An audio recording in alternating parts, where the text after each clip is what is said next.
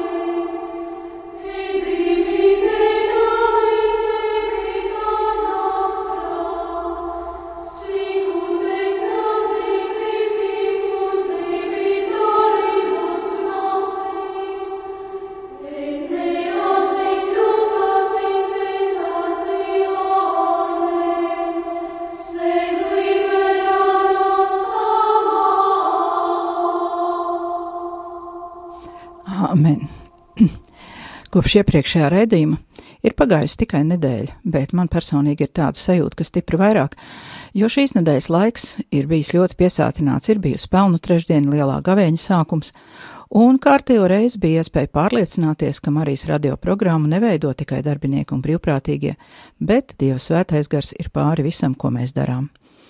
Pelnu trešdienā tika atvērts pāvesta Franciska grāmatas pazemības ceļš tulkojums latviešu valodā, kurā pāvests runā, kā jau sapratām pēc nosaukuma, par pazemību. Tas vēlreiz uzsver mūsu apskatītās tēmas aktualitāti visas baznīcas kontekstā. No sirds iesaku jums iegādāties šo grāmatiņu, tā ir ļoti vērtīga un nav rakstīta pārāk sarežģītā valodā. Taču to lasot, vajadzētu pievērst uzmanību tajā lietotajiem vārdiem un jēdzieniem un ļoti domāt līdzi – lai neielaistu domāšanas kļūdas. Kāpēc? Tāpēc, ka šos tekstus pāvests ir rakstījis konsekrētām personām, ar teoloģisku izglītību, un vismaz teorētiski dziļu izpratni par garīgo dzīvi, gan arī par bēdīgo realitāti, ka dzīvot uzticībā dievam un evaņģēliem nemaz nav tik vienkārši, kā varētu domāt, un tas nav viegli arī konsekrētajiem. Iepriekšējo raidījumu beidzām ar lasījumu par cilvēkiem, kurus autors dēvē par nedraugiem vai dvēseļu slepkavām, kuri izmanto dabisko cilvēku tieksmi pēc sabiedrības, bet draudzīguma vietā ar saviem vārdiem un attieksmi spēj cilvēku garīgi iznīcināt, lai gan fiziski atstājot viņu dzīvu.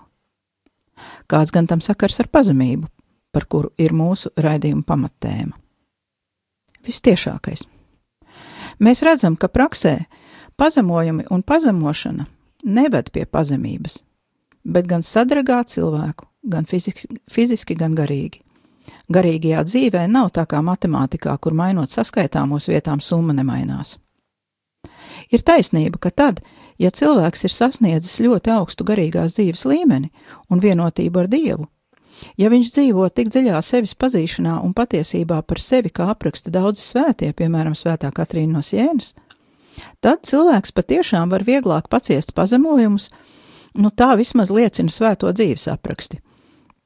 Lai gan patiesībā būtu dziļi un pamatīgi jāpapēta, vai tiešām svētajiem tas bija tik viegli, kā liekas mums, kas neesam bijuši turklāt. Tātad, ja cilvēkā ir pazemības tikums, varonības pakāpē, tad pazemojumu izturēšana viņam padodas samērā labi. Taču, ja mēs samainīsim saskaitāmos vietām, un, lai Dievs mūs no tā pasargā, sāksim kādu pazemot, lai viņu uztrenētu tikumos, vai kādam, kurš ir dziļi ievainots ļauna cilvēka vārdu vai darbu dēļ, sāksim pārmest pazemības trūkumu, rezultāts nebūs pazemība, bet gan ārkārtīgi dziļš ievainojums, kurš var atstāt smagas sekas. Fiziski tie var būt veselības traucējumi un sarežģījumi privātajā dzīvē, garīgajā dzīvē tas var būt iejaunojums līdz pat atkrišanai no baznīcas. Līdzīgi var notikt, ja mēs paši sāksim savus izaugsmes treniņus no nepareizās puses. Iepriekšējā raidījumā jau nosaucu četrus maldus, kuros var krist labas gribas cilvēki. Atgādināšu. Vēlme iemācīties paciest pazemojumus pašam tos meklējot, otrais mēģinājumi pašpazemoties, trešais vēlme iemācīt pazemību saviem tuvākajiem, draugiem, bērniem, radiem, dažādi mudinot tos paciest pazemojumus sadzīvē, darbā, draudzē un citur, lai gan viņi tam nav gatavi, un apzināti vai pusapzināti pašam pazemot savus tuvākos, īpaši bērnus, ar mērķi viņus norūdīt, padarīt izturīgus un gatavus smagām dzīves situācijām.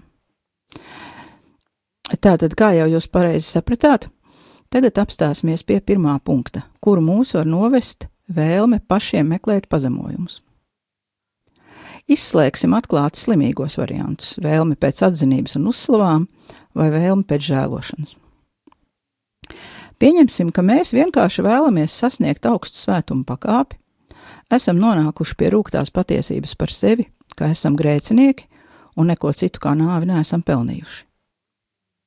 Mēs atceramies visus savus grēkus no piedzimšanas brīža līdz šodienai un vēlamies par šiem grēkiem gandarīt.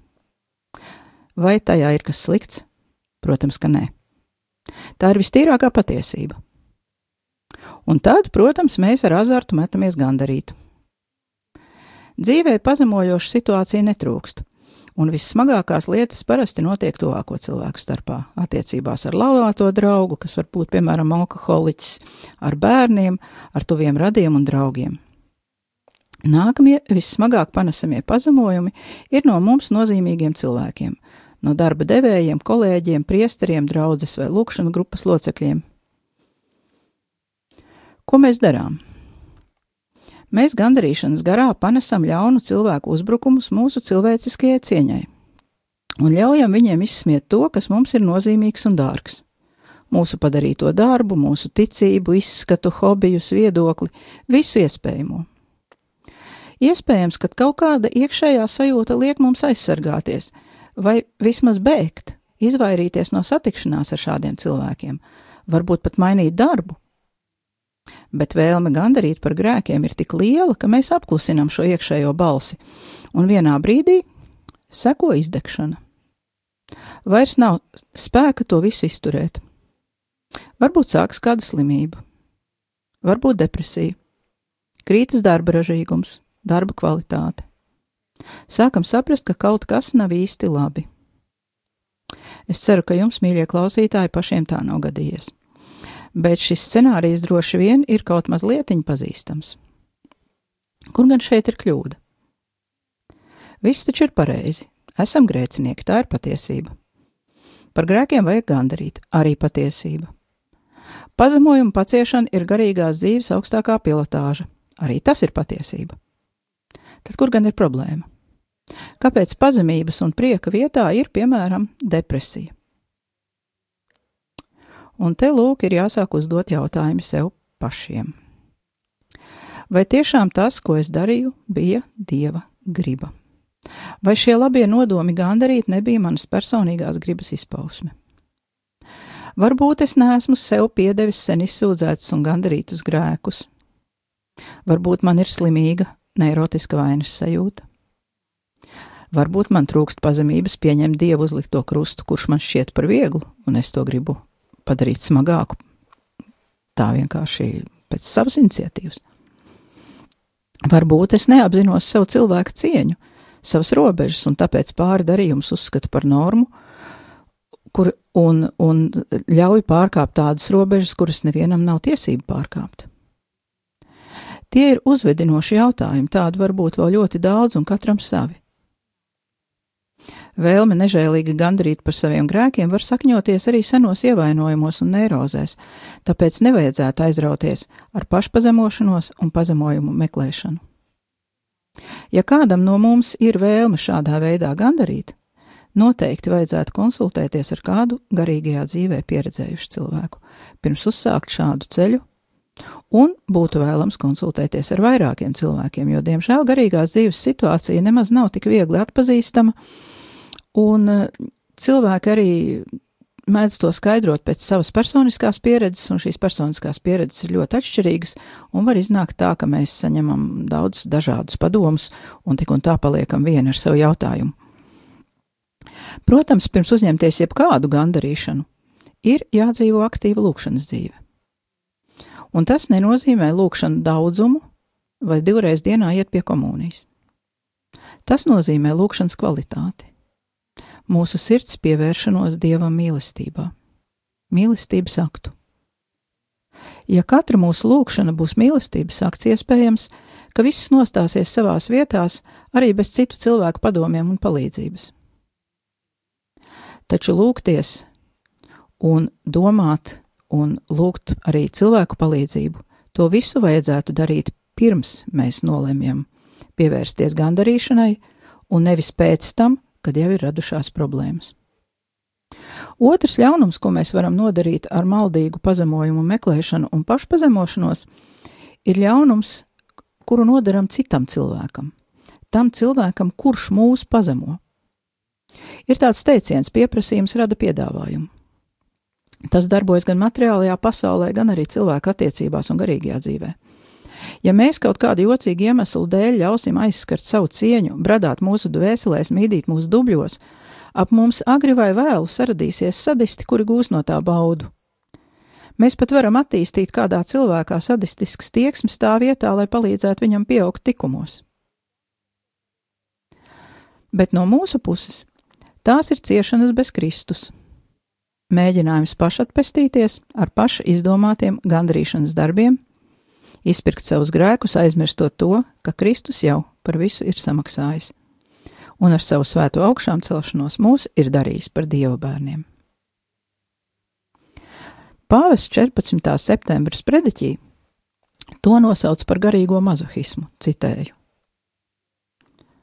Pirmā galējība - iedomāties Kristu bez krusta, uzskatot viņu tikai par garīgo skolotāju. Otrā galējība raudzīties uz krustu bez Kristus, kas nozīmē atmest cerību, ieslīgstot savu veidu garīgajā mazohismā, tā pāvests.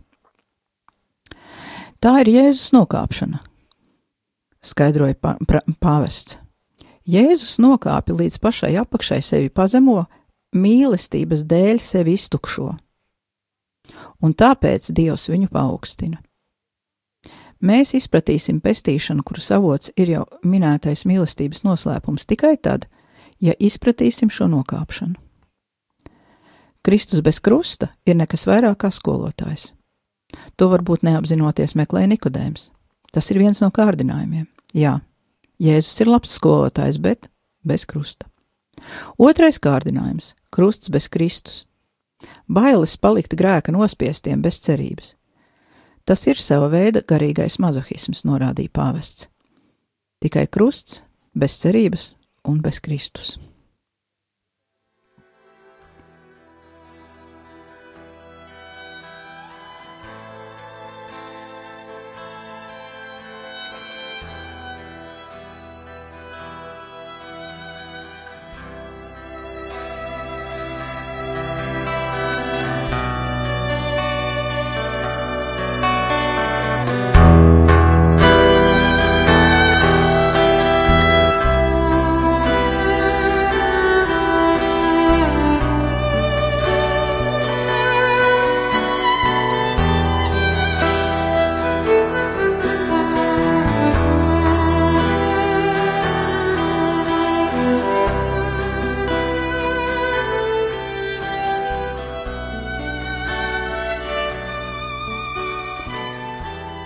Lai labāk saprastu pāvestu, vēlreiz atkārtošu, ko par krustu, par Jēzus krustu, teica svētā Terēze Benedikta no Krusta, karmelīte, ebrejiete, kura gāja bojā koncentrācijas nometnē. Lūk, ko viņa saka. Kristus ciešanas un nāve turpinās viņa mistiskajā miesā, un ikvienā tās loceklī.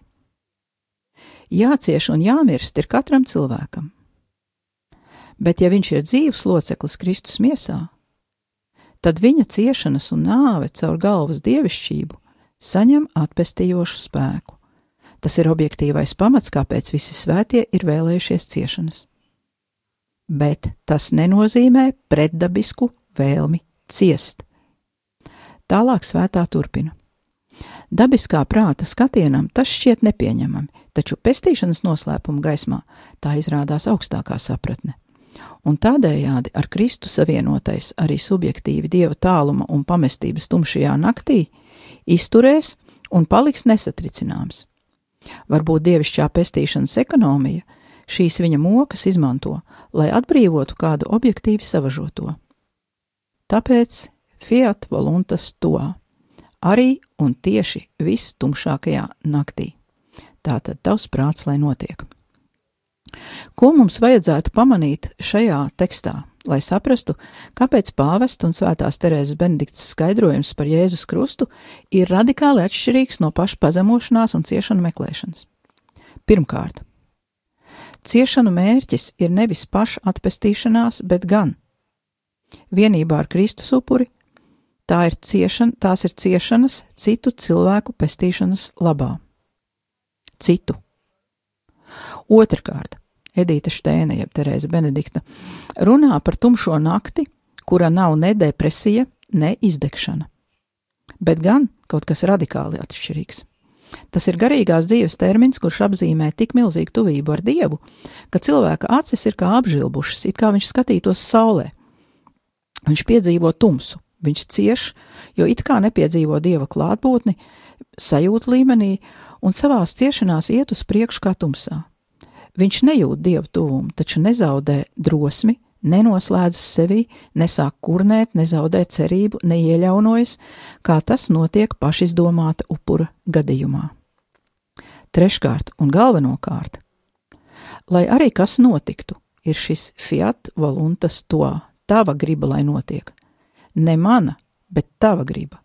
Kā Marija atbildēja dievam pasludināšanā, kā Jēzus atbildēja dievam olīvdārzā Tā ir piedalīšanās Jēzus un Marijas dzīvē, mīlestības uz Dievu un mīlestības uz cilvēkiem dēļ, un nevis paša atpestīšanās.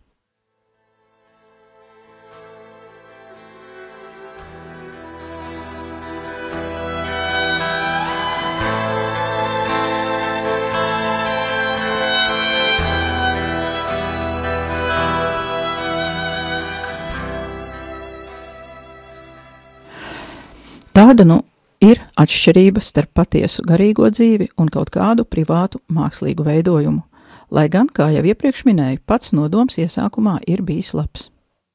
Kā dzirdējām Edītas Steins citētajos vārdos, Kristus ciešanas un nāve turpinās viņa mistiskajā miesā un ikvienā tās loceklī, un jācieš un jāmirst ir katram cilvēkam. Ciešanas pie mums katra atnāks pašas, Dieva noteiktajā laikā un veidā Mūsu darbs ir šim brīdim pienācīgi sagatavoties caur lūkšanām un žēlsirdības darbiem. Jo pirms Jēzus cieta pie krusta, atcerēsimies, ka viņš 33 gadus dzīvoja parasta cilvēka dzīvi. Viņš pelnīja naudu strādādams vienkāršu namdara darbu, viņš uzturēja pats sevi un savu svēto māti no savu roku darba, viņš daudz lūdzās, kā zinām no evaņģēlijiem, un viņš darīja daudz laba cilvēkiem. Un viņš bija noteicējis pats pār savu dzīvi un lēmumiem. Viņa lēmumi bija apzināti, brīvprātīgi, un viņš zināja, ko viņš dara. Tā Jēzus sagatavojās savu ciešanu kulminācijai, un tādai arī ir jābūt mūsu sekošanai Kristum. Mēs varētu iebilst, nu, bet Jēzus jau bija īpašs, viņš bija dievs, viņam nebija grēka un tā tālāk. Bet baznīca māca, ka Jēzus, lai gan viņam piemita dieva daba, tomēr bija īsts cilvēks. Šīs abas dabas atradās tās augtajā hipostatiskajā vienībā un nebija sajauktas. Jēzus dzīvoja kā īsts cilvēks, cieta, mira kā īsts cilvēks. Bet kas ir vispārsteidzošākais mums un mūsu ticības pamats? Ka Jēzus augšām cēlās būdams īsts cilvēks, un šeit visi mūsu iebildumi sabrūk. Jēzus ir atpestījis cilvēci katru no mums. Mēs visi esam atbrīvoti no pirmdzimtā grēka vainas, un lai gan vāji un necienīgi pēc savas dabas, Kristū mēs varam, kā Jēzus pats teica, darīt visas lietas, tāpat kā viņš un vēl lielāks par tām. Bet, lai mēs to varētu, mums ir jāapzinās sava augstā cieņa un līdzīgi Jēzum jāpilda Dieva griba un nevis savējā.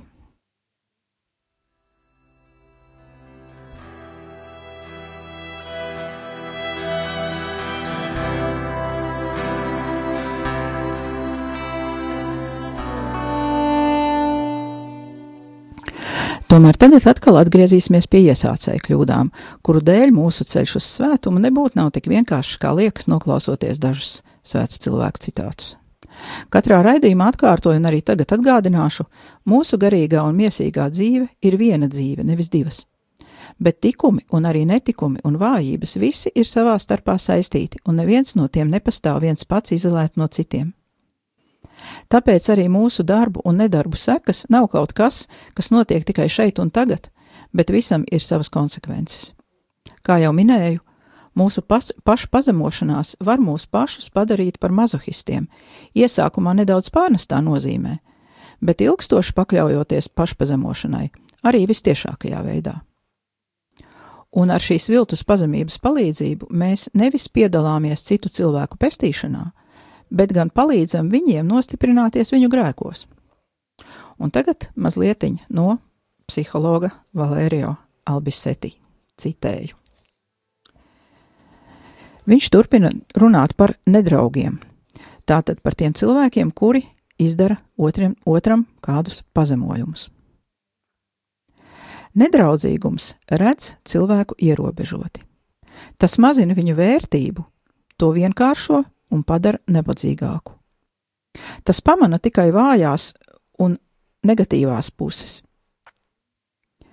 Nedraudzīgums izmanto tikai šos, šo mūsu būtības daļu, un tas ļoti ātri un veikli izdala tās cilvēka vājības, kuras ievēro.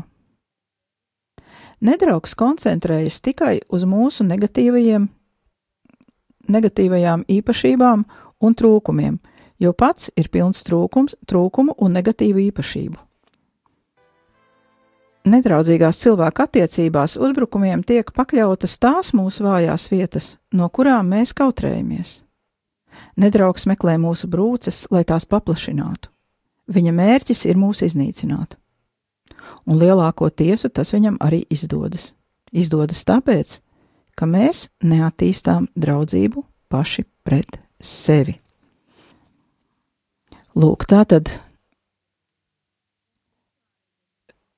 šodien ar to arī šo izpēti beigsim. Paliek mums mājas darbs. Tātad uh, psihologs Valērio Albisetī saka, ka šie, šie negatīvie cilvēki, šie nedraugi, kā viņš saka, vai dvēseles slepkavas, izmanto mūsu vājās puses, un viņi gūst panākumus tādēļ, ka mēs neesam draugi paši sev. Un, kā mēs labi saprotam, arī pašpazemošanās un tāda pašizdomāta upuru meklēšana, nu tā nav draudzība pašam sev. Draudzība pašam sev tas nozīmē meklēt izaugsmi savos tikumos sadarbībā ar Dievu un darīt darbus no mīlestības uz cilvēkiem, no mīlestības uz sevi un nevis no nedraudzības uz sevi. Nākamajā raidījumā mēģināsim saprast, ko nozīmē būt draugam pašam sev, un paskatīsimies, kā sasaucas psiholoģija un svēto garīgās dzīves mācība. Un tad, lai paliek mums šis mājas darbs, pašiem padomāt par sevi. Vai esam draugi sev pašiem, un kādos vārdos mēs to varētu aprakstīt? Raidījums vairāk tevis manī izskan. Ar jums kopā biju es, Sandra Preisa, un atgādinu, ka pēc žingla skanēs Vatikāna radio Krievu programma.